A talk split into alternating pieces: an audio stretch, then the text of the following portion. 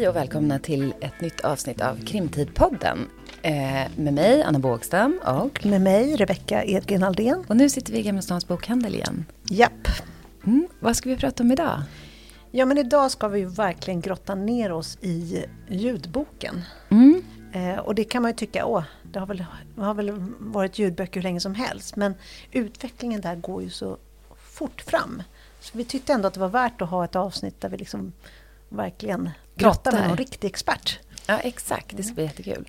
Det är ju väldigt spännande för att du debuterade ju faktiskt som ljudboksförfattare. Ja, det stämmer. Det var ju mitt insteg i författarvärlden. Jag började ju skriva en bok som kom ut bara på ljud. Just det, en Storytel Original. Exakt. Och det var 20... 2016 på hösten. Stockholm Psycho. Ja, precis. Och det var ju precis egentligen när eh, liksom själva ljudboksboomen som man pratar om mm. började, skulle jag säga. Eh, för då exploderade det ju verkligen. Mm. Eh, innan dess har jag ju inte, i alla fall för egen del, tyckt att det har varit så st lika stort med ljudböcker. Nej.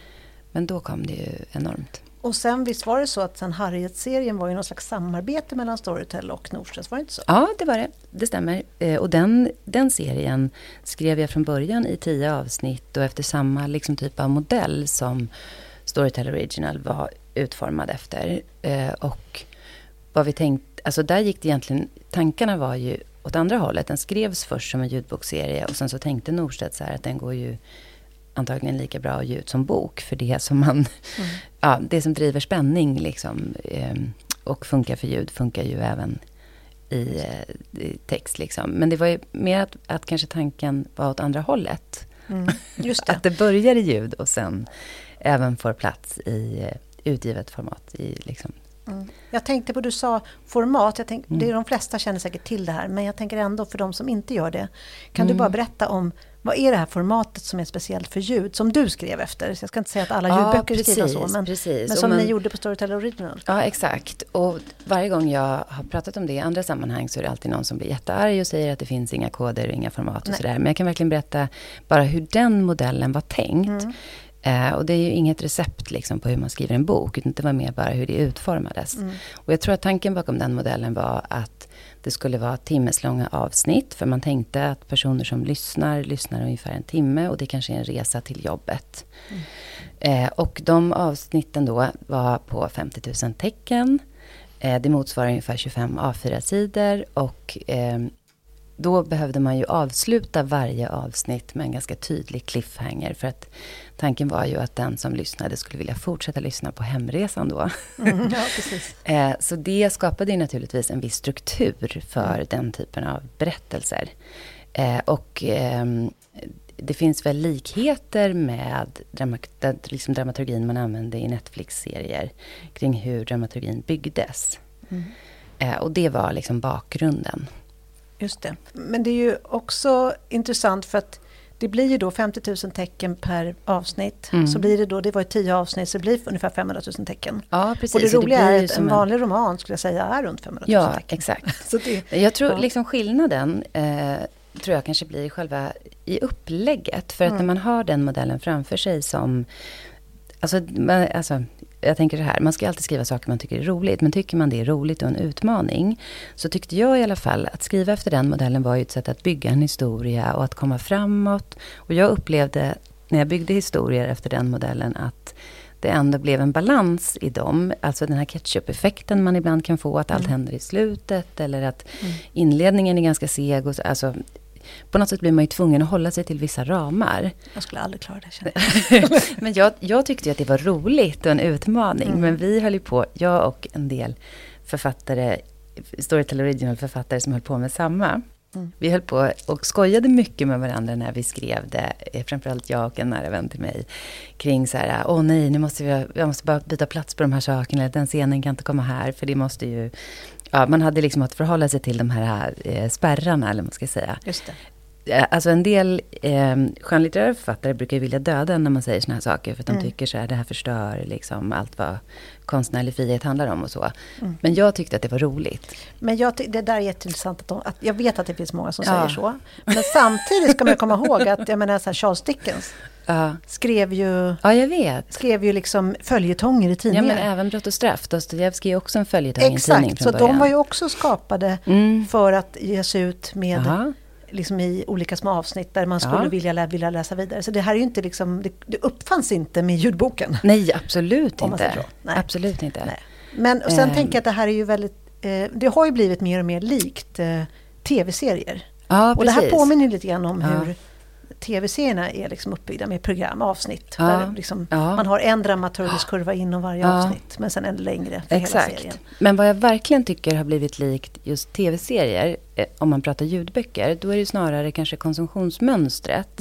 Att det där beteendet man har när man tittar på tv-serier, då kanske man väntar tills det finns flera säsonger och sen vill man liksom kolla på alla avsnitt i alla säsonger i ett svep. Och det beteendet känns det som att ljudbokslyssnarna har anammat. Det är i alla fall den känslan jag har. Ja, mer än en känsla. Jag Ja. tänker att jag läser de här Facebook-grupperna för ljudböcker. Men jag vet. Det var ju bara häromdagen som jag läste någon som var jättearg på förlaget för att de släppte en del i en, i en serie, alltså en Ja. bok i en serie Ja. och inte släppte alla 15 böcker på en gång. Och så var det någon som försynt sa ja men förlaget kanske inte liksom kan sitta och spara på 15 böcker, det är liksom typ, kan ju vara 15 år. Ja, Och jo, sen precis. släppa alla och vet man inte hur det går. Nej. Och författaren kanske måste leva lite under de här 15 åren också. Ja, men och sen så finns det ju andra aspekter som till exempel just med Harriet-serien. Då gick, det gick absolut bra med första boken. Eh, men framförallt när jag släppte tredje boken, då fick hela serien ett uppsving. Och då låg hela serien med alla delar på topplistan i över sex veckor. För att då var det liksom som att det var jättemånga som hade väntat in och bara nu kommer del tre, då vill jag lyssna på allt. Och den effekten, jag visste inte att det funkade på det sättet. Men där blev det så himla tydligt att seriekonceptet Ja, och det här beteendet att man, man väntar tills, man, tills alla delar finns. Just det. då, Just det. Men det där har ju också förändrat lite hela, ska man säga, hela branschen. Ja. Just för att backlisten har blivit så viktig. Och exakt. det här är ju ingenting nytt det vi säger nu. Nej. Men, men eh, jag vet ju att förlagen pratar och lägger stor vikt vid backlistor på ett helt annat sätt än vad man gjorde förut. Ja, precis. Och det förstår man ju Verkligen. När man upplever det här då. Ja, plus att fler faktiskt skriver serier. Ja, Eh, jag skrev ju precis. standalone, men nu Ja. skriver jag serier. Exakt. Och bara för, ett, bara för att visa hur snabbt det har gått så jag släppte min första spänningsroman 2015 Mm. och sen kom min andra 2017. För det första är det alldeles för långt emellan Ja. för den här typen. Men då, då när jag tjatade om att det skulle bli ljudbok så var de så här, vi får se. Ja. Och sen då 2017 när andra boken kom, då var det så här, ja men nu spelar vi in båda. Då var det inte alls självklart, då var det så här, vissa blir ljudböcker. Nu är det ju snarare tvärtom, att det är typ i stort sett alla genrer litteratur ja, precis. jag blir tror- ljudböcker och vissa blir ju inte ens att de, vi får se om det blir inbundet snarare. Exakt, men det är just genrelitteratur. För Ja. jag tror att det är väldigt olika förutsättningar beroende på om man skriver genrelitteratur eller eh, roman. Eh, både hur boken liksom, hur den lever i ljud och ehm, eh, liksom vad som kommer vara den stora kakan, höll jag på att säga. Men Ja. liksom, och, och typiskt sett så är ju eh, genrelitteratur har ju funkat väldigt bra på ljud och har ju mycket lyssnare och också mycket lyssnare som kanske inte är vana läsare. Nej, så är det. Utan man har liksom kommit in Man har i... hittat en helt ny publik. Ja, Så, att, så därför är det ju liksom... Alltså, för det här är ju också en del av det. Ibland så träffar jag författare som är så himla arga på, på ljudboksrevolutionen, eller vad man ska kalla det, och tycker att det hotar deras existens. Mm. Eh, men jag upplever ju inte riktigt det så, utan snarare att det är liksom två olika eh, arenor, eller man ska säga, där man kan vara. Och att de, de samfungerar eller kan dra varandra.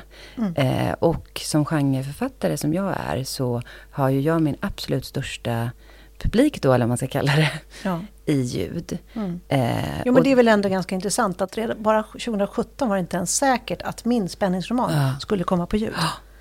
Och, och det är inte så det- länge sedan. Nej, exakt. Men nu är det ju snarare så att ja, jag har fått ljudbokskontrakt men jag har inte fått kontrakt på fysisk bok. Det är ju van, ganska Ja. vanligt nu. Ja, eller typ, vi har alla rättigheter men vi är bara utan På ljud. På ljud. Ja, men exakt. Så det har ju verkligen skiftat. Men jag tyckte det är intressant det du sa just om det här med de här som är arga. Och jag, jag kan ju ändå förstå oron. Ja, verkligen. Eh, men jag vet inte om det är, vi ska skylla ljudet egentligen. För att, att Ja, människor precis. läser mindre. Det är klart att det är en konkurrens om tid. Och Mm. jag vet ju om jag går till mig själv så jag läser ju fortfarande mycket, men jag Mm. lyssnar mycket, mycket mer. Mm. Eh, Så att jag har ju, och jag lyssnade ju ingenting för kanske fem, sex år sedan. Nej, så precis. det har ju mitt, mitt eh, Men, men skulle du säga då, för jag, jag tänker lika, men det är också, jag tror att både du och jag är personer som har läst mycket alltid. väldigt mycket. Ja. Eh, och jag skulle säga att eh, så som mitt liv ser ut så läser jag så mycket som jag kan. Men det Mm. hade jag nog gjort oavsett. Ja. Men för mig är ju lyssnandet bonusen. Det. För jag kan göra det vid tillfällen då jag inte kan läsa. Och då väljer jag att göra det. Istället för ett Kakan typ... har blivit större då. Ja, men det är ju Mm. snarare, då lyssnar jag på ljudböcker istället för att lyssna på Spotify eller på radio eller vad det nu är. Liksom. Eh, så precis, det är. Ja, precis det, att med. kakan har blivit större. Ja, och det tror jag verkligen att det är. Sen tror jag att en del, och inklusive jag själv, kanske har börjat lyssna mer än Mm. läsa. Alltså jag läser Ja. något mindre nu än vad jag gjorde förr. Det tror jag Ja. nog. För att förr fanns inte alternativet. och Då var det så att jag satt, hade med mig en Ja. bok överallt. Men det Ja. har jag inte. Om jag nu ska Nej. åka tunnelbana i 15 minuter plockar jag inte upp en bok utan jag lyssnar. Ja, och sen så är det ju det att om man, har en, om man prenumererar på en ljudbokstjänst, Mm. På, ja, man kan göra det på massa olika sätt, men, men om man har en ljudbokstjänst med tillgång till hela det biblioteket som finns i en stor ljudbokstjänst, då har man ju liksom jag gör jätteofta så att jag kollar där och sen kanske jag börjar lyssna på något och sen går jag och köper boken om jag hellre vill läsa den. Mm. Och om, någon, om vi pratar om böcker och jag inte vet vad det är, då öppnar jag ju den appen och kollar så här, ja, ja, det är den boken eller det är det. Ja, och där är ju steget mindre då. Ja. Man kanske inte går och köper en okänd bok men man kan faktiskt börja lyssna på en okänd Ja, bok. Ja, men jag ska bara säga det att det ju ändå finns ju en oro eftersom Mm. du får ju mindre betalt för en ljudbok. Så är det ju. Ja, då- Samtidigt ja, som du kanske får helt andra läsare. Men då måste ju- man bara fråga också, mindre betalt i förhållande till vad? Alltså, exakt. eh, alltså är det mindre betalt jämfört med vad man får för en inbunden bok? Mm. För det är det som är jämförelse. Ja, För, jag, för jag tänker, det är ju, jag tycker att det finns så många parametrar att förhålla sig till när man Mm. pratar om ersättning och så för ljudböcker. ja, och jag håller med. Alltså det är inte så att alla de här skulle ha köpt en inbunden bok. Så att jag tror att vi är nog på, vi är på samma. Ja. Men vi har ju faktiskt en gäst som är Exakt. expert på det här. Så det, alla de här Ja. frågorna ska vi ta med Ja, honom. exakt, det ska bli så Eh, himla roligt. han säger själv att han inte är expert, men han jobbar ju ändå med detta. Vi vet ju att han är Ja, expert. precis. Så ska vi säga välkommen till Mattias Broström. Ja, välkommen! Tack så mycket.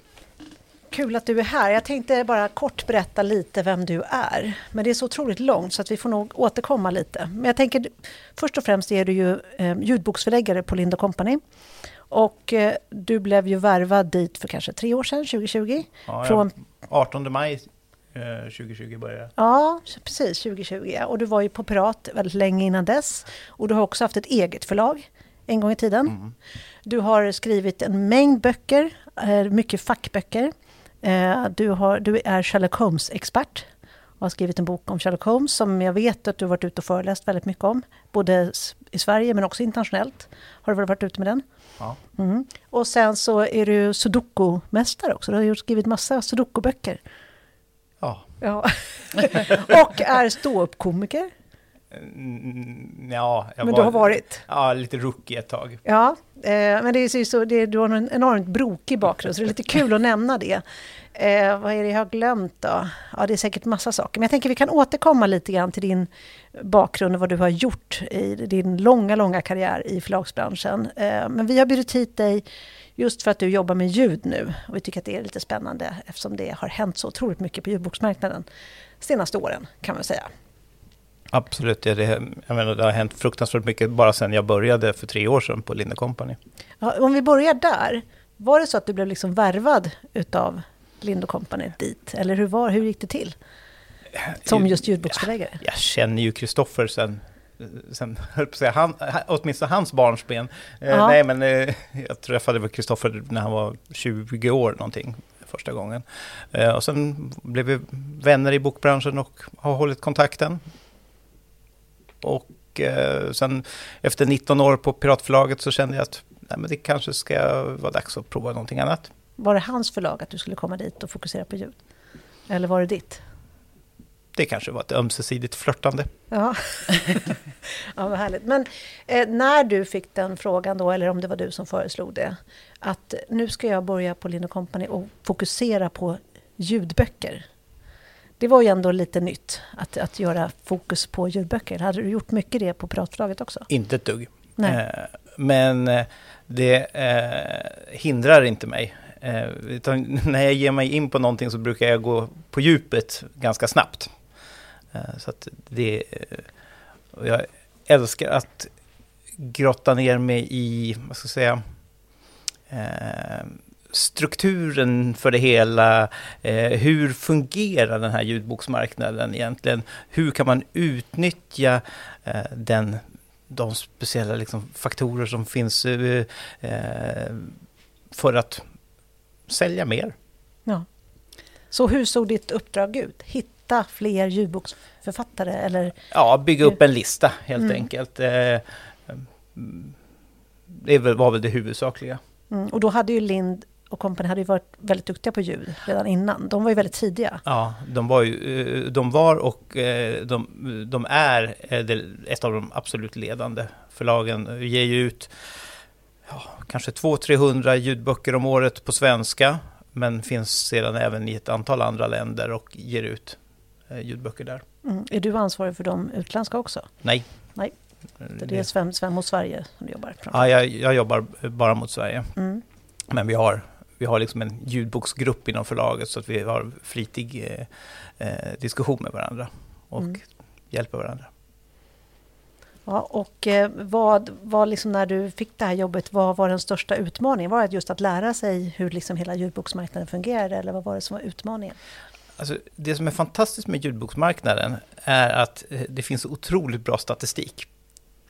Det är sant. Eh, vilket gör att eh, jag kan liksom för varje dag gå in och se eh, hur lyssnandet har varit föregående dag. Jag kan jämföra mellan olika eh, titlar, hur de har gått eh, de senaste böckerna i en serie. Hur gick de de fyra första veckorna i, och, och, så vidare. Eh, det gör att jag kan förutsäga, förutsäga ganska väl hur hur bra en bok kommer gå redan efter att jag bara sett resultatet de första två, tre dagarna. Mm. Ehm, det här gör ju att man kan man kan jobba mycket mer med, liksom fundera på, okej, okay, vilken vecka ska vi ge ut den här? Vilken dag i veckan? Eh, fungerar det här bra med den övriga utgivningen just då? Och sen självklart titta på genrerna för att se vad som, eh, vad som är mest efterfrågat och kan man hitta luckor i genrerna eller kan man hitta någon genre som det inte kommer ut så mycket i som, det, som ändå lyfts fram bra men där man kan fylla på mer. Mm. Mm. Eh, ja, men jag tänker, det var, det var ju väldigt spännande att du sa att du kan på bara de första tre dagarna egentligen nästan förutse hur det kommer gå för en bok. Och då undrar man ju, vad är det du ser där? Så här, vad, kan inte du jag ser, Vill du avslöja den här hemligheten? Ja, men jag ser kurvan. Liksom, ja, jag ser hur, hur kurvan börjar. Mm. Eh, och eh, eh, sen... Eh, för länge sedan så hade Storytel en funktion eh, i en tidigare version av sin app där man kunde se hur många som lyssnade samtidigt på Ja, precis. Det minns man ju. Ja. Den versionen har jag kvar i min telefon. Nej. Vilket innebär att jag fortfarande sitter med en iPhone 6 för att jag, jag vågar inte byta ut den för det är en så fantastiskt bra ja, funktion. Um, nu börjar den falla sönder på olika sätt den här telefonen så snart kommer jag få ge upp det här. Men eh, det gör i alla fall att jag kan se otroligt väl eh, all den här statistiken och, och kan jämföra eh, och då kan jag jämföra med hur författarens tidigare böcker gått och de här kurvorna, alltså det är nästan som att lägga kalkerpapper ovanpå varandra.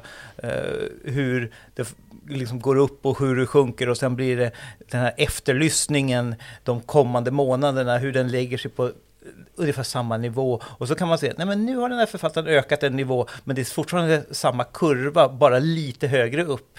Mm, jag förstår. Men och då tänker jag ju så här, äh, gör du den vidare analysen också då? Att liksom, vad är det den här författaren gör som... Alltså jag tänker, kan man också se så här, var i historien ger lyssnaren upp? Var, vad lämnar man? Alltså, tittar du liksom på innehållet jämfört med kurvorna? Man kan ju se, eh, de olika streamingtjänsterna har lite olika statistikverktyg, eh, men man kan se lite grann vad hur långt lyssnarna har lyssnat. Men det är inte så att jag direkt gör någon analys av det och går in och ser, jaha, hur långt var det? För att det är ju ett snitt hela tiden. Mm. mm. Jag kan inte se det på individnivå. Um, och, och, då blir det ganska ointressant i sig. Det, däremot kan jag ju se att den här boken uh, är det bara liksom 30% som har lyssnat klart på. Och då kan jag dra slutsatsen, okej, okay, då är det då har vi gjort något fel. Jag tror inte att det är fel på boken i sig, eh, för kvaliteten håller och liksom lyssnarintresset, men vi har gjort något fel med omslag, vi har gjort något fel med baksidestext, presentationen, paketeringen har blivit fel, så att vi har helt enkelt lockat till oss fler lys eller fel lyssnare. Mm. Och det, det kan också ske när vi har, när en bok blir veckans utvalda, för då når den ut till en mycket bredare lyssnargrupp och inte inte bara den här specifikt intresserade eh, lyssnargruppen. Eh, och det kan man ofta säga att så fort en bok blir veckans utvalda så sjunker snittbetyget. För då kommer det in mm. en massa lyssnare som egentligen inte alls borde lyssna på den här boken. Mm. Det här ser man ju som, oh, som författare. Då sitter man ju och lekmanna doktorerar på, på de här faktorerna också såklart. I alla fall i samband med att ens egen bok släpps. Och då ser man ju direkt till exempel att om det är bara, liksom, om det är en spänningsroman och inte en polisdeckare och den är taggad som deckare och hamnar på veckans utvalda. Då känns det som lyssnarna blir sura och sätter ett lågt betyg. För de får alltid 3,5 i snitt medan eh, deckarna får 4 och 4,2 och så här. Till exempel. Det är bara en så här privatspaning som jag råkade göra. Och sen, sen är det ju också som så att visst är det roligt med höga snittbetyg, men det är egentligen skitsamma för att det enda som spelar någon roll det är hur mycket lyssningar man får. Men är det inte så att folk blir avskräckta av låga betyg? Eller märker inte du det? Eh, då skulle inte vissa böcker få så många lyssningar. Nej, Nej okej, okay. det är intressant. Nej, men jag, vill, jag vill fördjupa mig i det här som du sa nu, Anna. För att jag har någon slags spaning om att det är ju tydligare paketering, alltså ju, ju mer lyssnaren vet vad den ska få, desto antingen bättre eller bättre betyg får den. Stämmer det? Ja, men det, eh, det är delvis sant. Alltså om man, om man eh, liksom lyckas pricka rakt in i feelgood-genren eller rakt in i polisromansgenren, det, det är klart att då, då lockar man ju till sig precis rätt lyssnare. Eh, då får man inte de, de, de, andra lyssnarna, för de, mm. de är inte intresserade av att mm. ta den boken. Så att, jag håller med dig, alltså en, en bra paketering är det absolut viktigaste. Det är eh, för att få folk att lyssna. Eh, sen är det bra om boken är bra, eh, för då kanske de lyssnar vidare och kommer tillbaka till nästa bok. Men, eh, men eh, vi jobbar jättemycket med liksom tankar på paketeringen. Och ibland det, det, kan jag ibland känna att eh, när jag får en pitch, jag, jag, skriver ofta kontrakt på böcker bara på en pitch, eh, mm. eller, och kan, helst också kanske två provkapitel. Men om jag känner att nej, men den här kan vi paketera bra, mm. då eh, går jag igång på det. Sen, och, om jag får välja på att ge ut en bra bok eller en bok med bra paketering, eh, som kanske inte är lika bra, så är det nog ofta jag väljer den som går att göra en bra paketering på. För att det är ju ingen idé att ge ut den här bra boken om ändå ingen kommer hitta till den. Mm. För att jag måste kunna skriva en baksidestext som lockar folk. Det får...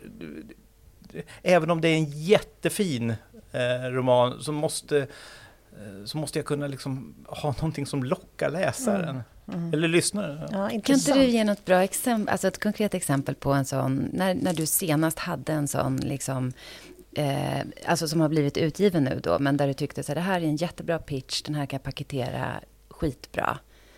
Har du någon sån eh, som du har jobbat med senaste åren? Ja, nej men eh, det var eh, handlingen på en bok som jag eh, gick igång på direkt. Det, vi, eh, vi ska ge ut eh, Emma Olofsson som är eh, deckarförfattare. Eh, vi tar över hennes Karlshamns-serie. Och där eh, med, med fjärde delen. Den kommer komma ja, efter årsskiftet. Men där gick jag bara igång på några få meningar i pitchen och jag bara kände, jag behöver inte ens läsa den, det här kommer funka. Men gud, vad var det? Ja, vad, precis. Kan du inte bara säga nu vad det är för meningar? ja, eh, vi har väl inte gått ut officiellt Aha. med de här, men strunt samma. Eh, eh, eh Emma får tåla det. 1995 eh, börjar med, så är det en familj som hittas död, mördad vid eh, middags, sittande vid middagsbordet. Eh, pappa och eh, två barn. Eh, mamman är helt försvunnen. Eh, det finns inga spår efter henne, det finns inga spår att någon har brutit sig in. Misstankarna faller på mamman. Sen snabbspolar vi fram till 2021. Då händer samma sak igen. En familj hittas död sittande vid middagsbordet. Men kvinnan vid bordet är inte mamman i familjen. Utan det är den försvunna kvinnan från 1995. Och då bara kände jag... Det är som äh, vi... Bron och Kepler ihop. eh, där behöver jag nästan inte läsa någonting för det går inte att misslyckas med det. Nej. Mm. Men då är det egentligen att hisspitchen är så sjukt viktig. Ja, men, ja, eh, men om den hisspitchen är så pass bra, då mm. vet jag att nej men den här eh, alltså, det räcker att man... Om jag reagerar så här mm. så kommer ju andra Eh, lyssnare att reagera så när de läser. Då ska vi bara se till, okej okay, vi ska fixa ett omslag som funkar rakt in i den här genren. Mm. Eh, eh, och sen har vi en, eh, en etablerad författare som har skrivit det, som redan har liksom många lyssnare. Men, I ett sånt fall så, ja, det, då, då, vet man att den paketeringen kommer bli så pass bra för att eh, man, har ju, man har de olika beståndsdelarna helt enkelt. Mm. Det är bara boken jag inte har ännu, men det... den, den lilla detaljen. den, den är under arbete. jag, jag har nästan en liten följdfråga där också då, på när boken är under arbete. För att ibland så tycker jag att man möts av, eller folk frågar en så här, men vad finns det för, liksom, finns det koder för att, för att lyckas i ljud? Liksom? Vad behöver boken ha? Finns det speciella skrivsätt? Liksom? Man brukar prata om att det ska komma cliffhangers eller att det ska vara drivet. Eller med perspektiven finns det en del som pratar om och en del säger att tidshopp är jättesvårt och sådär. Men har du några några, finns det, tycker du att det finns, kan man säga att det finns koder i liksom själva hur man skriver för att det ska funka på ljud? Allt mindre. Eh, eh, eh för jag tycker eh, många lärs, eh, eller många, många har begripit detta nu det finns ju självklart sådana här klassiska saker som eh, kursiv stil. Hur, hur ska vi beskriva att det här är mördarens tankar? För vi ser det inte rent grafiskt längre, utan vi måste få fram det på ett annat sätt. Men, och då får man oftast gå in i texten och, och, helt enkelt bearbeta lite grann så att man fattar att nej men nu byter vi det här perspektivet.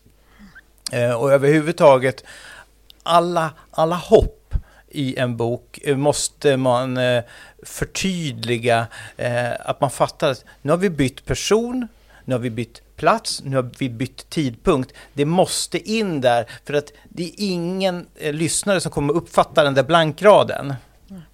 Mm, just det. Precis. Så den typen av grejer eh, finns nästan med i redigeringsarbetet med varenda bok. Det... Jag skulle säga det är alla genreböcker, även de som liksom ges ut både på inbundet och att man är noga med det nu. Ja, eh, eftersom, eftersom det, det inbundna blir ju ljud också. Exakt. Så att eh, Eh, det som tidigare varit så tydligt med att bara liksom ha en blankrad eller en stjärna, eh, eh, det, det, måste man göra mycket tydligare, tydligare i, i ljudet. Sen är det också sådana här saker som om man i kapitel, precis under kapitelsiffran har skrivit ett datum eller ett årtal för man gör de här tidshoppen Mm. Så det räcker inte för att lyssnarna är så pass okoncentrerade, många av dem. Mm. Eh, eh, jag vet själv hur det är. Ja, jag tycker också om att vi generaliserar. Ja. eh, och eh,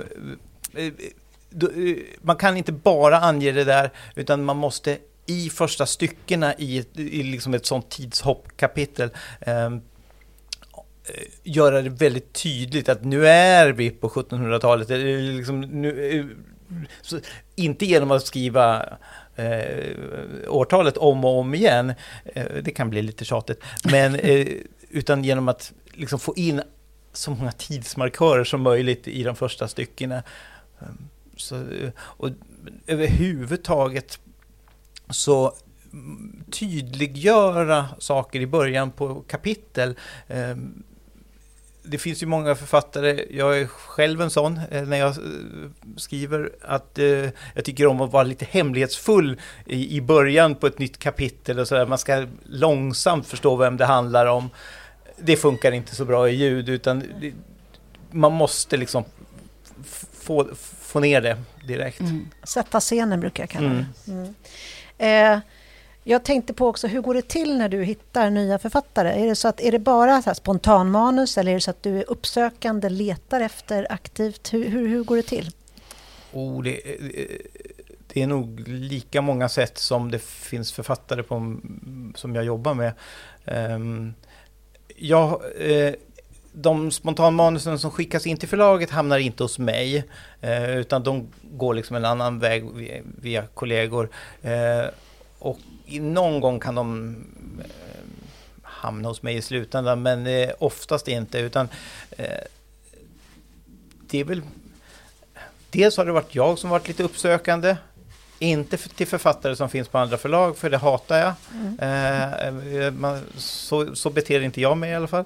Eh, men däremot författare som finns på andra förlag får gärna ta kontakt med mig. Det är en helt annan sak. Mm. Det är bra att du får säga det här. Mm. Ja. De hör det nu. Ja, ja, jo, jo, nej, men, eh, men eh, för jag, och det har väl också att göra med att jag vet inte vad jag kan erbjuda som gör att de får en bättre tillvaro hos mig. Mm. Eh, ekonomiskt, alltså det är sällan man liksom vinner någonting som författare på att byta förlag eh, rent ekonomiskt. Utan det är väl om det är någon som vill komma och jobba med mig, mm. helt enkelt. Det, det, är det, det är det jag kan erbjuda. Ja. Men, att, men vad är det vanligaste sättet du hittar manus på? Då? Det är nog ändå att det hör av sig personer som uh, har kommit, eller snappat upp mitt namn någonstans. Uh, men nu har jag så pass många författare och vissa är väldigt produktiva. Ja, vi ska och, återkomma till det. Eh, och det uppskattar jag för mm. att det är en av grundpelarna i, i, på ljudboksmarknaden att ha produktiva författare. Men eh, eh, så jag kan, nog, jag kan nog för stunden inte bygga ut min lista hur mycket som helst för då får jag inte tid med de jag redan har. Hur många har du ungefär? Jag kanske jobbar med 40 författare parallellt. Eh, och eh, som skriver, vissa skriver en bok om året, vissa andra skriver Tio. Tio, ja, men mer tio, tio böcker om året. Ja. ja. det är bara en. Ja. Sofia eller? Ja, det är Sofia. Ja, men det, det samarbete måste vi ju prata om också. Ja. Ska vi ta det på en gång då? Mm. Sofia Rutbeck eh, Eriksson. Eriksson. Precis. Är det gäller det. Och, eh, Eh, hon är, hon är ju otroligt produktiv, men där har vi förstått att du också hjälper. Du står ju med som medförfattare, är det inte så? Ja, jag gjorde i alla fall det ett tag på de första böckerna. Ehm, men där var det väl ett... Hon var en av de första som jag kom i kontakt med och, och vi hittade snabbt ett sätt att samarbeta. Och, och det kan man säga att för varje författare jag har så eh, har jag eh, nästan unikt sätt att jobba med den personen för att se vad behöver den personen hjälp med. Jag, jag ska ju främst vara förläggare, men ibland går jag in som redaktör eh, och i, ibland behövs knappt det, utan och, och, och, ibland så gör jag nästan ingenting. Eh, men, men Men med Sofia eh, så var det så att det, det, det började vi helt enkelt med, enkelt med att jag menar, som, när man gör förläggarfeedback så skriver man en massa kommentarer i kanten i Word-dokumentet. Eh, men så tyck, och det kan bli ganska långa kommentarer, man föreslår att kan du inte lägga in någonting sånt här? Eh, men med Sofia eh, började vi med att eh, jag frågade Eh, kan jag skriva in det rakt in i texten? Det blir enklare så eh, istället för att jag skriver en lång kommentar till henne och sen så får hon säga vad hon vill om den här ändringen. Eh, och så fortsatte vi på det sättet och de första böckerna, de här Katarina och Greta-böckerna, i alla fall i början så la jag väl till 10 procent någonting mm. på dem. Och det var ju inte så dumt för de, de var liksom rätt korta från början så det var bara bra att bygga ut dem. Eh, och det var mest, alltså det jag la till var tramsig humor. Mm. Eh, jag tyckte att de behövde det. Ja, jag trodde hon var ganska rolig också. Är hon är väldigt, ja. Sofia är väldigt rolig, men jag, ja, men du var ändå... jag, vred, jag, jag, märkte det, att hon var rätt rolig, så jag kunde vrida till det några varv till. Ja. Och sen, sen blev det ju på något sätt eh, liksom stilen på de böckerna så då fick jag ju fortsätta att göra på det viset. Ja. Och eh, hur mycket skriver du nu med dem då? Eller har du, har... Allt mindre och det beror ju på, jag menar nu eh, Snart kommer vi väl med eh, Sofias 19 bok på förlaget på två år. Det är helt galet.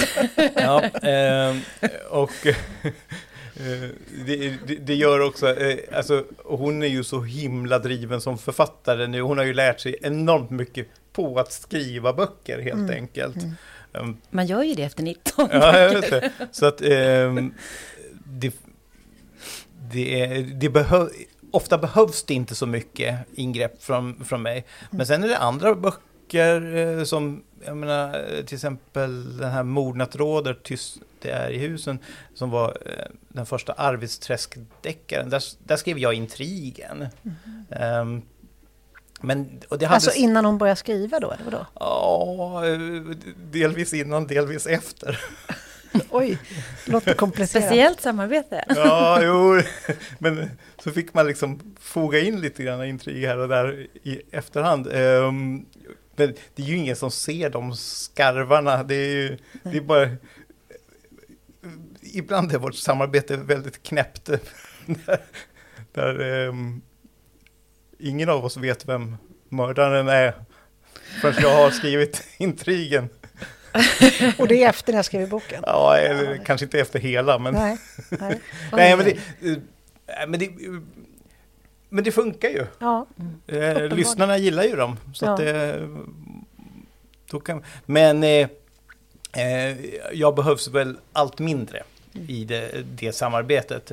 Eh, och det är ju skönt för att, eh, jag menar, det, eh, inte så att eh, det hade blivit dåligt förut, det var bara att eh, vi, vi hittade liksom in i samarbetet på det sättet. Men det är självklart att vi fortfarande jobbar väldigt kreativt bollande mellan oss. Mm. Och eh, jag, be, jag behöver liksom inte fråga om jag ska infoga någonting, utan jag skriver in någonting, överraskar med ett litet extra kapitel.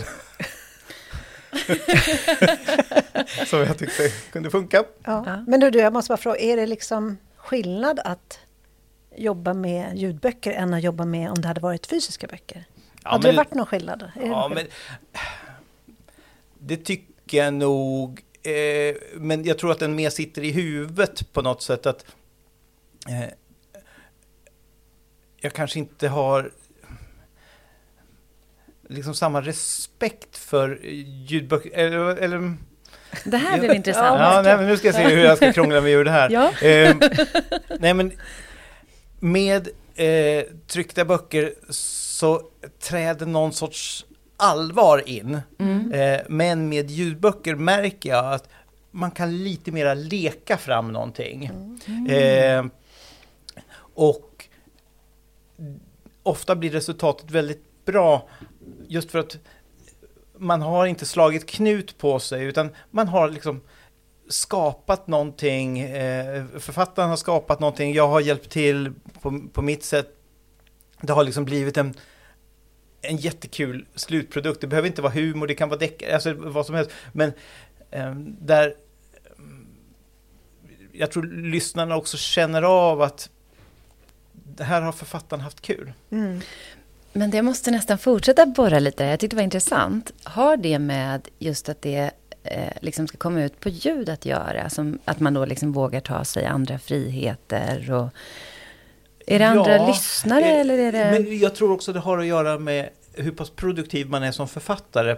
För att om man skriver en bok om året eh, och det, det, är det man gör eh, liksom, som, som, författare. Då blir varje bok väldigt eh, allvarstyngd i, liksom, i skapandet. Eh, för att den betyder så mycket för ens författarskap. Men skriver man kanske fyra böcker eh, på ett år eller fler. Då,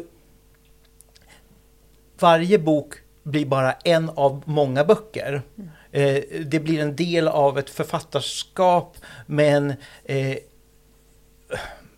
varje bok är inte, inte lik, lika viktig eh, för mig själv som författare. Mm. Eh, utan Ja, men nu har jag skrivit den, nu fortsätter jag med nästa bok. Mm. Det låter ju skönt, för det låter ju som att det blir lite mindre prestigefyllt på något sätt. Eh, och att... Precis, det är ex, exakt så känner jag. Och det eh, blir ju så både för författaren och för förläggaren och, och liksom he, hela alltihopa. Ja, jag tänkte, eh, för många beskriver ju också att skrivkramp ganska mycket handlar om kravställning. Och då tänkte jag att, eh, med många menar jag då mig själv och en rad författare jag ja. känner. Men, men att det är liksom en del av det, att om man skriver en bok per år så är det på något sätt att den, det är så mycket krav kopplat till, eh, till vad som ska hända med den boken och vad, hur historien ska vara och när man väl ska lämna in något till förlaget så är det så kravfyllt och sådär. Och det låter ju här som att ert samarbete är mer prestigelöst på ett annat sätt och att då kanske det Eh, Eh, är liksom, ja, då kanske man inte har samma typ av låsningar som författare. Och det gäller inte bara mig och, och Sofia Rutbeck Eriksson, utan eh, jag, menar, jag har motsvarande samarbete med andra författare också, att, som har den pro produktiviteten i sig att de kan skriva flera böcker om året. Och, och eh, men, då blir det mera, det blir en process att okej, okay, nu ska vi skriva den här boken. Nu är boken färdigskriven, nu redigerar vi den, nu skickar vi den till uppläsare. Nu, uh, under tiden som den går till uppläsare så börjar vi på skriva på en ny bok. Uh, det, det, är inte konstigare än så. Uh, och jag tror också det har att göra med att på ljudboksfronten så finns det nästan ingenting som fungerar vad gäller PR, marknadsföring eh, och så vidare. Allting handlar om boken i sig och paketeringen. Eh, för att det, det, som sker, det sker liksom inuti streamingtjänsterna, i apparna, eh, eh, hur böckerna lyfts fram. Det hjälper inte. Jag, jag har liksom eh, testat att lägga massa eh, marknadsföring, annonspengar på nätet och sådär. Och man kanske kan se det på marginalen, ja det kanske blev tio extra lyssningar. Mm. Det, men det är, det är, inte där hemligheten ligger. Och då kommer man också förbi det som är mycket vad ska jag säga, jämförelse mellan olika författare också. Att ja, fick du den eh, releasefesten? Eller, eh, och så vidare. My mycket som tar energi från författare. Men kan man bara skippa den biten och koncentrera sig på det som jag tycker författare ska göra mest, nämligen skriva böcker. Mm. Om, om fler författare struntade i att lägga en massa tid på att uh, försöka lansera sina böcker på sociala medier och istället skrev ytterligare en bok. Mm. Uh, det, det, det, antalet tecken skulle räcka till. Ja, ja, ja. Men gud, jag känner att det finns så mycket följdfrågor på det här. Men för det finns ju, nu kanske jag är lite provocerande här då, men det finns ju många författare som verkligen säger nej, jag vill komma ut med en bok. Man vill, ha liksom, man vill hålla den där boken. Och det finns också ljudboksförfattare som tycker, känner lite grann, det är lite A och B-lag. Om man inte får komma ut med en fysisk bok så blir man inte inbjuden till eh, olika event och man får kanske inte vara, stå och sälja böckerna på samma sätt. Det är ju som du säger, det är inte så mycket fokus på sånt. Upplever du det bland dina författare att de känner åh, vi är liksom en annan typ av författare än de här som ger ut det inbundet? Nu, nu var det lite tillspetsat, men fattar vad jag menar. Man kan ju också se det som så eh, att allt fler författare som är huvudsakligen inriktade på ljudboksskrivande kan mer eller mindre leva på det. Mm. Eh, ha det som heltidsyrke att skriva. Eh, det är inte alltid det är situationen för den som skriver en bok om året. Eh, så att jag tror att gränserna kanske inte, gränserna mellan liksom eh, tryckt boksförfattare och ljudboksförfattare, de kanske inte suddas ut, men de blir lite diffusare i alla fall. För, mm. Och det, det, är en annan typ av gränser. Just det. Men för jag vet ju, jag lyssnar ju också på Förlagspodden som är din då chef ja. som håller i, Kristoffer eh, Lind. Och han pratar ju om det här med att det är att, att vissa att ge ut inbundna böcker ibland nästan är som författarvård. Att det är liksom, de vill så gärna ha ut den inbunden. Ja. Men, men de du har fått, de kanske redan har accepterat på något sätt att det, det är det här de ska göra? Eller? Jag kanske, alltså, jag är, min titel är ju ljudboksförläggare. Ja. De, de kan ju ha fått en liten föraning om det där. Eh, men ja. eh, det, eh, det är klart att det, många författare vill komma ut i inbunden form, men jag märker en tendens att allt fler inte bryr sig längre. Nej. För att de har fattat också att okej, okay, en inbunden kommersiell deckare, alltså verkligen något som är riktigt säljande, säljer 300 ex mm. i ett uh, lyckosamt fall. Mm det, alltså för tio år sedan var vi uppe, då kanske man tyckte att 3000 ex var liksom, då var botten nådd. Men mm. eh, det, Förlåt, jag ska inte sitta och säga detta i en bokhandel inser jag. men, det, men det är svårt i populärgenrerna. Ja. Alltså, eh, eh, genre, alltså deckarna, feelgood och så vidare. Eh, det li mer litterära har större chans. Mm. Och det ser man ju också på eh, vad som verkligen säljer i bokhandeln. Att, eh, det är inte längre riktigt den här bestsellerismen i bokhandeln. Eh, det självklart finns det eh, stora deckarförfattare och så vidare. Men, men de som inte är så stora, de eh, det, det, går nästan inte att sälja längre mm. eh, i, i inbunden form. Vad vi gör då, det, det är ju eh, det är inte alla författare, men eh, rätt många kommer nu som print on demand. Eh, ett sätt att tillgod, eller liksom tillgängliggöra boken i tryckt form så att den finns där för de som inte vill lyssna på den. Men det, det är ingen bok som lanseras som tryckt bok. Mm. Mm. Jag, jag, var också lite nyfiken på när du sa det här att de faktiskt kan leva på det. Hur många böcker per år ska man skriva på ljud för att kunna leva på det? Skulle du säga? Ja, det beror på hur mycket man säljer av dem. Men eh, om man ändå drämmer till med två, tre eh, böcker som säljer, eller liksom får en 25-30 tusen lyssningar. Eh, jag ska inte säga att man lever särskilt gott på det, men eh, grejen är ju att ett ord som jag använder dagligen, det är reaktivering. Och vad eh, betyder det? Jo, att när en, ny, eh, när en ny bok kommer ut i en bokserie, då vet jag på förhand att de tidigare titlarna i den serien kommer eh, lyftas upp och få nya lyssnare. Jag behöver inte göra någonting. Det sköter sig självt i, i de här streamingtjänsterna. Så att, eh, och reaktiveringen brukar vara på under den första månaden efter att en ny bok har släppts i en bokserie, en deckare eller en feelgood eller vad det nu kan vara, så är 50% av våra intäkter kommer från den nya boken. 50% kommer från de tidigare titlarna. Mm. Eh, så att är man då en hyfsat liksom, produktiv författare och kommer med två, tre böcker i en serie om året, då, eh, de tidigare titlarna, de bara springer ju iväg och mm.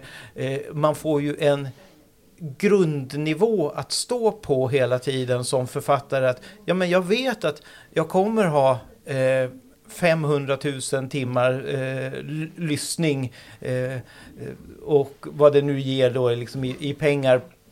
Eh, så att, eh, ja. Mm. ja. En följdfråga på det då. För det, vi har ju haft eh, gäster här i podden, andra författare, som säger att det är liksom omöjligt för dem att skriva mer än en bok om året. Kanske en bok varann, eh, varannat år nästan skulle vara liksom lagom. Finns det någon risk att det blir sämre kvalitet om man skriver tio böcker jämfört med en bok om året? Eller vad säger du?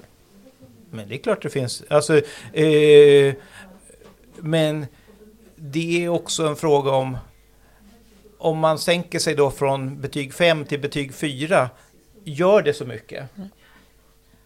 Spännande. Mm. Eller om man då sänker sig till liksom betyg 3, godkänd. Ja, ja, men så länge lyssnarna tycker om att lyssna på de här karaktärerna.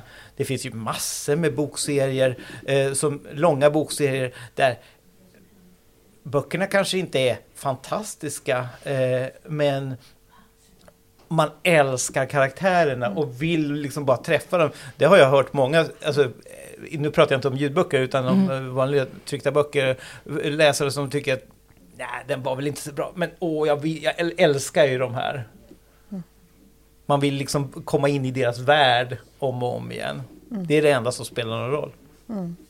Men all den här kunskapen du sitter på, jag tänker vad som funkar, allt det här liksom hur de ska... Alltså, delar du, är, när, är du väldigt inne i processen när du, de skriver också, att du hjälper dem då med att Liksom. Jag tänker om att skapa karaktärer som man vill hänga med till exempel. Ah, ja, eller att det här måste bli en serie på minst tio böcker för annars kommer vi inte ha den här fantastiska backlistan. Eller hur, hur aktiv är du i vad de faktiskt skriver? Jag tvingar ju aldrig någon att liksom skriva eh, många böcker eller tvinga dem att skriva eh, med liksom tätare utgivningstakt och sådär. Däremot så talar jag, jag, jag, förmedlar ju hela tiden. Det som jag sitter och säger till er, det är sånt som jag sitter och säger till författare jag är i mm. kontakt med och, och talar om att det här är det, när vi pratade om det här när jag började för tre år sedan. Det, det, som jag såg liksom var de här faktorerna som gör att ljudboksmarknaden är så speciell. Att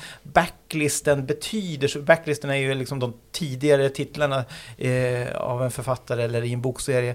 Eh, de betyder så otroligt mycket för att eh, vi, det, det händer ju till och med att vi ger ut eh, böcker som initialt inte går runt. Eh, och vi har liksom ingen förhoppning om att det ska gå runt än på ett tag. Men det ger så otroligt mycket reaktivering av de eh, tidigare böckerna. Mm. Så, och, eh, sen, jag brukar också se det som... Det, en, en, annan grej som jag tittar mycket på det är sån här överspillningseffekt. Att, eh, om man gör en spin-off, om man har gjort en serie och så gör man en spin-off till den serien. Eh, så märker jag direkt en överspillningseffekt att det, det, lyssnare som hittar den nya serien men som inte har fattat den, mm. eh, eller liksom hittat den andra serien, börjar lyssna på den. Mm. Det där har vi ju sett mycket, att, det, att man har gjort det mycket. Jag mm. tänker Greenwalkers ja. och eh, Alex Storm-serien till exempel, där har du ju den typen av Ja, men vi hade det nu när vi lanserade en ny serie av just Sofia Rupek Eriksson mm. eh, om Eh, Katarina från Katarinas eminenta detektivbyrå, hennes bonuspappa Hercules Persson, han fick en egen serie när han löser mord på en jorden runt-kryssning.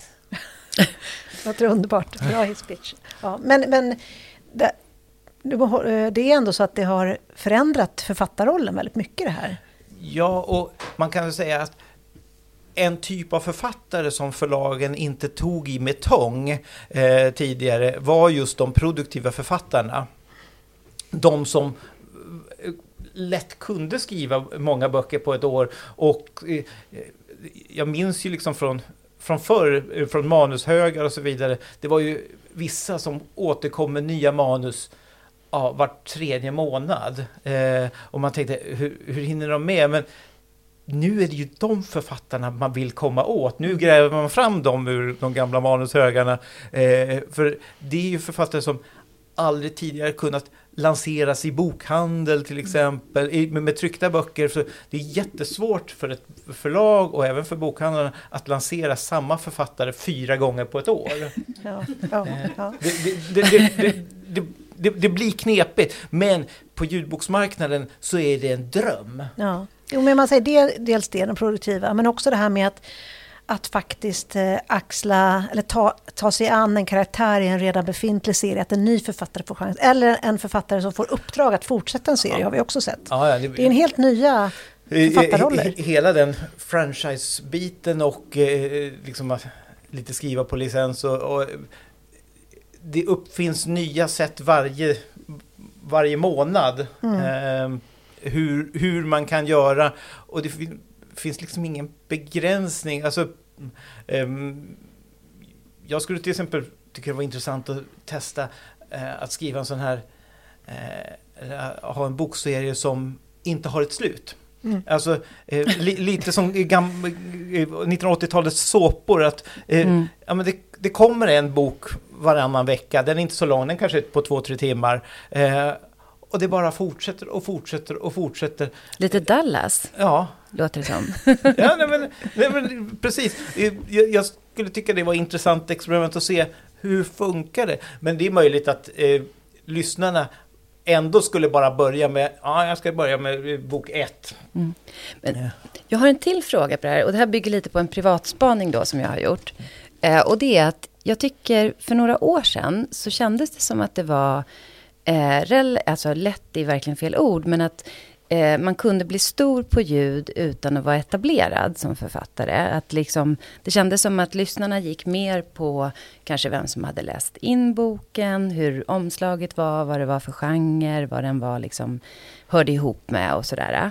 Så det fanns en chans. Men nu tycker jag, det här är, är, är spaningen då, att det känns som att det har blivit svårare och svårare ändå. Alltså jag hörde ju vad du sa nyss, att man letar efter de här äh, andra författarna med andra eh, liksom kvaliteter som är väldigt produktiva. Men det känns som att, för när jag tittar på liksom vad som går bra på topplistan, så tycker jag att det är samma gamla stora författare som har varit stora hela tiden. Och det känns som att topplistorna för ljud liknar försäljningslistorna för inbundna böcker i större utsträckning. Och tidigare var det inte riktigt så. Det här är, liksom, det här är min bild då. Och det är en väldigt korrekt bild. Det är någonting som vi också... Eh, alltså, det har förändrats nu under de här bara tre åren som jag har jobbat med ljudböcker. Eh, att det är, det är ungefär samma som liksom trängs på topplistan på ljud som, mm. som på, för tryckta böcker. Men med tillägget att på ljudboksfronten så finns det ett antal författare som inte alls Just är stora. Mm. som kanske inte ens som finns. Inte ens finns på, vad gäller tryckta mm. böcker. Grimwalker, ja, Resem. Ja, Resem. Resem förlåt. Ja, ja. Och, och eh, det är bara det att vi har, nu har vi blivit så vana vid att de, de alltid ligger på topplistorna på ljudboksfronten så att vi är inte förvånade. Men fortfarande så eh, upplever i alla fall vi på förlaget som att det går att ta sig upp med helt, alltså en debutant eller andra oetablerade författare eh, upp på 10 i topp och kan gå jätte, jättebra. Om man har en bra paketering. Om man, uh, och uh, uh, boken liksom träffar rätt. Uh. Hitta rätt sorts lyssnare och så vidare. Så att det går fortfarande, men kanske inte så mycket på plats 1 till 10 på topplistan för ljud. Eh, men plats 11 till 20, herregud. Ja. Mm. Det, det, är inte tokigt. Och, och, och, jag, och jag ska bara också ja. säga att man ska heller inte stirra sig blind på topplistan för att det är inte alltid där det händer. Utan det, det viktigaste eh, som jag tittar på, det är inte vad som händer de första veckorna med topplistor och så vidare, utan det är svansen, liksom mm. efterlyssningen. Om en bok lägger sig på ett, en till två lyssningar om dagen, eller om den lägger sig på sex till sju lyssningar mm. om dagen. Mm. Det spelar ju jättestor roll, för plötsligt så eh, sju lyssningar om dagen i snitt, herregud, det blir ju eh, två och ett halvt, liksom 2 500 mm. på ett år. Mm. Just det. Eh, eh, men eh, medan då om den ligger på snitt ett om dagen, ja då är det knappt 400 lyssningar. Och lägger man då det år efter år, om den kan ligga kvar på en sån nivå för att det kommer nya böcker och den reaktiveras och sådär. Att författarskapet har det på varenda bok. Eh, Mm. i, i, liksom, om man har gett ut 10, 15, Då 20 blir det ju en böcker. del, ja. Det blir jättemycket. Och det är det jag pratar om att man kan som ljudboksförfattare då ha den här grunden. Att man vet att ja, men mina böcker har, eh, ligger stadigt på den här nivån. Och jag, jag kan inte förklara, förklara hur det funkar rent statistiskt. Men på något sätt, så de här kurvorna, även om de är väldigt platta då, eh, nästan ner i botten, nära Mm. liksom noll lyssningar, men, men ändå ligger på sju lyssningar om dagen.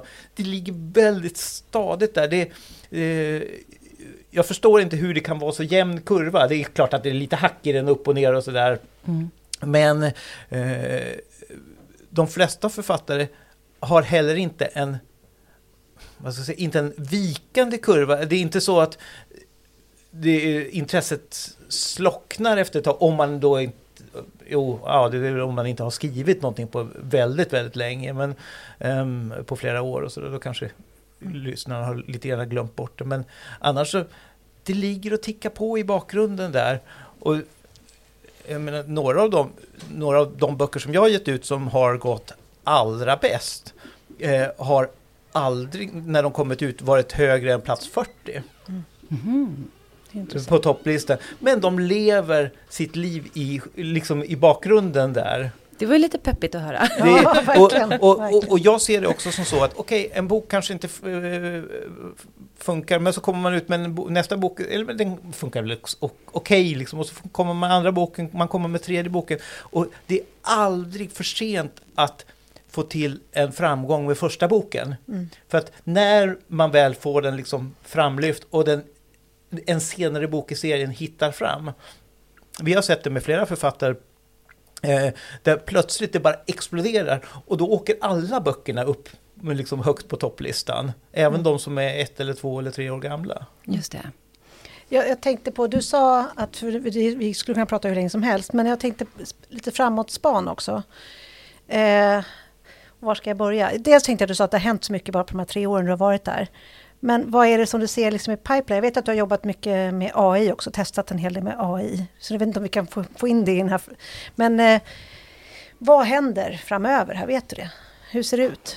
Kommer fler vara bara ljudboksförfattare? Kommer fler skriva fler böcker Ja, om året? oundvikligen eftersom vi skär ner på utgivningen av tryckta böcker. Mm. Eh, vi, men, eh, och ersätter en del av det med eh, print on demand. Men nu kan jag inte senaste siffran, men jag tror att av skönlitteraturen så har vi väl i, kanske 80 procent av intäkterna eh, från ljudboksmarknaden. Mm.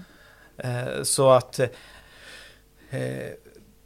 det, ja, det kommer bara fortsätta på det sättet. Sen hur konk- konkurrensen har ju blivit större. Mm. Eh, och det är ju också en del av det här som vi pratar om att det är mer de redan etablerade som syns högst upp på topplistorna. Och, och det finns fler mm, stor, storlyssnade, eh, storsäljande eh, ljudböcker av, av, av rena ljudboksförfattare. Många som har blivit väldigt duktiga på att skriva ljudböcker Mm. och fått stora eh, fanskaror. Eh, så att, eh, nej men det, just nu tror jag att eh, när vi bara pratar närmaste kanske två åren så tror jag att det kommer bara bli en förlängning av det vi ser idag. Att det blir svårare för de inbundna böckerna också för att bokhandelskedjorna tackar nej till eh, oss liksom sälja dem. Mm. Och då, ehm, för att tidigare bok i serien inte har funkat och så vidare. Mm.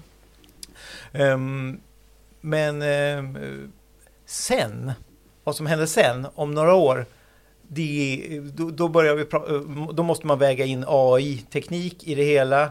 När eh, jag hörde en eh, duktig person som förutspådde att om tre år så är vi framme vid eh, att även på svenska kunna köra klonade röster. Eh, kanske inte för skönlitteraturen, men för backlist, facklitteratur och så vidare. På engelska har man ju redan AI-teknik som gör att man kan eh, skapa artificiella röster eller man kan ta ett röstprov av en person och sen göra en hel ljudbok utifrån bara det lilla röstprovet. Det behövs egentligen bara kanske tio sekunder för att man ska kunna göra någonting bra. Ja. Eh, och eh, så att det kommer att göra att det kommer, en, kommer komma en hel våg av eh, böcker som egentligen inte är eh, säljbara som ljudböcker, men de kommer finnas tillgängliga. Mm. men med då artificiella röster. Men eh, får jag bara fråga där angående AI, tror du att även AI kommer kunna ersätta författarna? Nej, det tror jag inte, men jag tror att eh, AI kommer kunna, eh, eller det är ju inte AI som gör någonting, det är ju människor som gör någonting. Eh, men jag ser det som att det kommer framöver komma textregissörer. Alltså en person som är väldigt duktig på med hjälp av AI-teknik skapa text, styra sina karaktärer, eh, strukturera upp berättelser, kunna göra det hyfsat snabbt, kanske skapa den här eh, enkla eh, såpan åt mig eh, där jag mm. kan släppa en bok i veckan. Mm. Då kommer den. ja, nej, men, men det är ju att, eh, att ersätta skickliga författare, nej det, det ser jag liksom inte. Jag, jag, kan inte spana så många år in i framtiden för att det, det, vi kan bara se liksom senaste halvåret har det skett otroliga saker på AI-området. Um, ehm, men eh, jag testar ju själv liksom att se, går det att generera skönlitterär text för att bli av med alla författare. Ja. Eh, det, Lite kontraproduktivt. Det, ja, det går inte särskilt bra. Eh, jag har inte lyckats ännu. Än, skönt Men eh, jag tänkte på en annan sak också. Det är att vi i Sverige ligger ju ganska långt fram med digital, eh, alltså med ljudboken och allt sånt där. Och vad vi har det är att vi har streamingen som inte finns i alla länder. Mm. Och jag vet att Lind Company och Storytel också för finns ju på massa andra marknader. Tror du att de någon, kom, någon gång kommer ge upp det här med att de inte vill ha streaming? Och vad händer då? Kommer vi ha en fördel då? Var det en flummig fråga kanske? Ja, alltså Men förstår i, du vad jag menar? I Sverige har nog streamingen kommit för att stanna. Ja. Däremot så eh, Eh, har ju det förändrats, liksom det här med obegränsat lyssnande. Mm. Man har andra abonnemangsformer där man tar ut mer betalt liksom, om man vill ha obegränsat. Utan nu har man kanske, det kanske räcker för många lyssnare med 100 timmar i månaden och så vidare. Mm. Eh, så det har man ju börjat skruva på. Eh, liksom. Men ehm, streaming lyssnandet som sådant eh, i de länder det har, där det har eh, lanserats så växer det ju överallt. Så att, jag menar det. Eh, sen finns det ju andra länder där förlagen totalt motsätter sig det. Jag menar som i USA till exempel. Där, där förlagen är, de, de, de stora förlagen är så otroligt eh, eh emot detta så att det går inte att lansera. Eh, inte i nuläget i alla fall. Det kanske förändras. Eh, mm. Det... Jag, jag bara inbillar mig att vi sitter på ett, liksom, en fördel. Att vi redan är där och har gjort det här. När de, de kanske kommer att ändra sig, tänker jag, i framtiden. Och då kommer väl kanske deras ljudboksmarknad också att explodera som den har gjort här. Ja, Eller? för det är ju det är en väldigt tacksam marknad. Alltså, det är ju... Eh, jag har inte den aktuella siffran, men för några år sedan var det över 700 000 eh, ljudboksabonnemang i Sverige. Nu är det kanske en miljon ljudboksabonnemang. Eh, vilket gör att alltså, svenskarna läser ju böcker eh, i den här formen, formen av lyssna på böcker eh, som aldrig förr. Det, alltså, sån här eh, litteraturkonsumtion som vi har nu för tiden där där det är så otroligt lätt att komma åt en bok. Ehm, det, det, jag menar, det har ju gjort att vi har ett otroligt stort läsande liksom inom, inom alla genrer. Mm. Och uh, nu läste jag någonstans det här är en luddig källa för jag kommer inte ihåg vad det var för källa, men att eh, där, där ljudbokslyssnande också har Och det det Sveriges ökat eh, till, till mer eh, eh, trycktboksläsande. Mm. Och det är ju fantastiskt i sig, för, så att man inte liksom tappar läskänslan, för vi vill ju inte ha ett liksom, illiterat folk. Det var Kulturnyheterna på P tror jag Ja, i veckan. exakt. Jag läste också den. Alltså, vi har, jag, jag hade tänkt att komma in på Sherlock Holmes och allt möjligt, men alltså, vi har alltså suttit och pratat en timme. Ja, Jag kan vet. komma tillbaka. Ja, väl exakt. Du kanske måste Jag, det. vilja, jag har så mycket fler frågor. Ja. Men jag tror att vi måste släppa in publiken. Ja. Ja, är det någon som har någon fråga? Kan du ställa frågan om Sherlock Holmes? Eller Ja. Vad i Sherlock Holmes är det som du föll för först? Tack. Tack. Eh, det var, jag var tonåring på, eh, i mitten på 80-talet och eh, föll för eh, inte Sherlock Holmes-berättelserna i sig, eller de tyckte jag om, men jag blev vansinnigt förtjust i den kvasilitterära forskning som skedde kring Sherlock Holmes, där man be- betraktade Sherlock Holmes-berättelserna som sanna berättelser, eh, att det här var Dr. Watson hade skrivit sanna redogörelser om Sherlock Holmes och eftersom de då innehöll en massa eh, konsekvensfel, ehm, eh, att Watsons skottskada flyttar sig från axeln och ner till benet från en bok till en annan.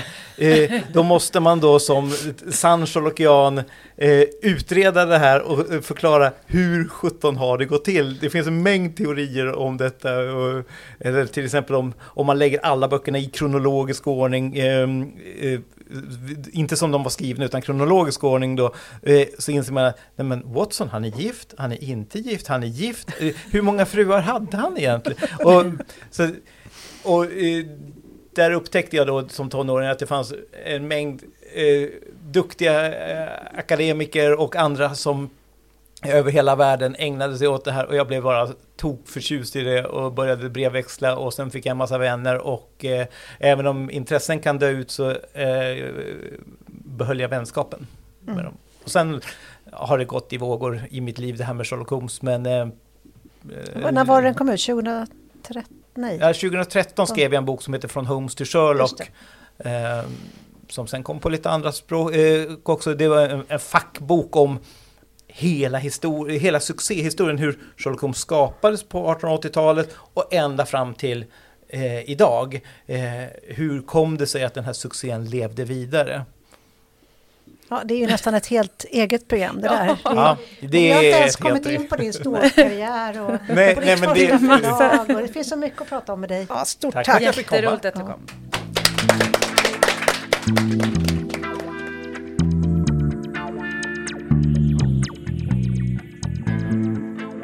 Det där var ju ett otroligt spännande samtal om ljudboken och eh, nu råkar vi ha Linda Ståhl här, författare på Norstedts. Och eh, jag vet ju Linda att du är ju stor både i liksom inbunden och pocket men också ljud och då är jag lite nyfiken på, tänker du på ljudboken medan du skriver?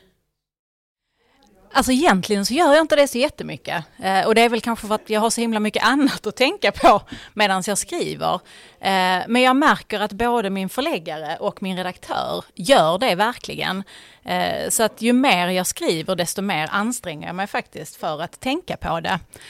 Eh, och jag vet att ja, men några exempel är väl just det här att man väldigt tidigt i en ny scen eller ett nytt kapitel direkt ska förstå vems perspektiv jag skriver utifrån, eh, var man befinner sig. Det är ju viktigt även när man läser en bok, men kanske extra viktigt när det är en ljudbok, så att läsaren direkt ska veta var den befinner sig och med, tillsammans med vem av mina karaktärer.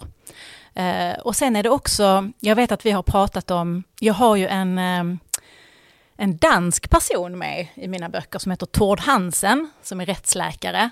Och i min första bok, Syndaren ska vakna, så pratar han med ganska mycket dansk brytning. Eh, och eh, där har jag en fantastisk inläsare, Maria Lyckov, men hon kanske inte är superfantastisk på att prata danska. Eh, och hon gör ju verkligen ett försök till att göra det.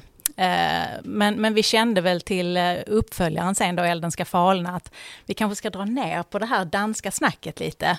Eh, just för att det kan bli lite komplicerat i ljud. Så då gjorde vi medvetet det. Och, så det står väl på sina ställen att han pratar med en dansk accent, men det är liksom inte skrivet på danska i boken. Och samma sak det där överhuvudtaget om man ska lägga till att de pratar en viss dialekt. Eh, att om man inte vill att ljudboksuppläsaren ska härma den dialekten så behöver man inte alltid skriva vilken dialekt de pratar, för det är en sån grej som, som man kanske tänker på då när man lyssnar på ljudboken. Eh, men i övrigt så känner jag ändå att det är ju historien och berättelsen som ändå går först och i andra hand så tänker jag på formatet. Eh, men där finns ju ändå lite små saker som jag nämnde här då att tänka på när man skriver för ljud.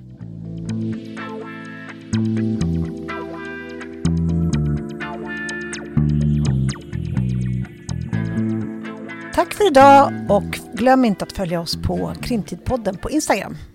Hej då! Hej då!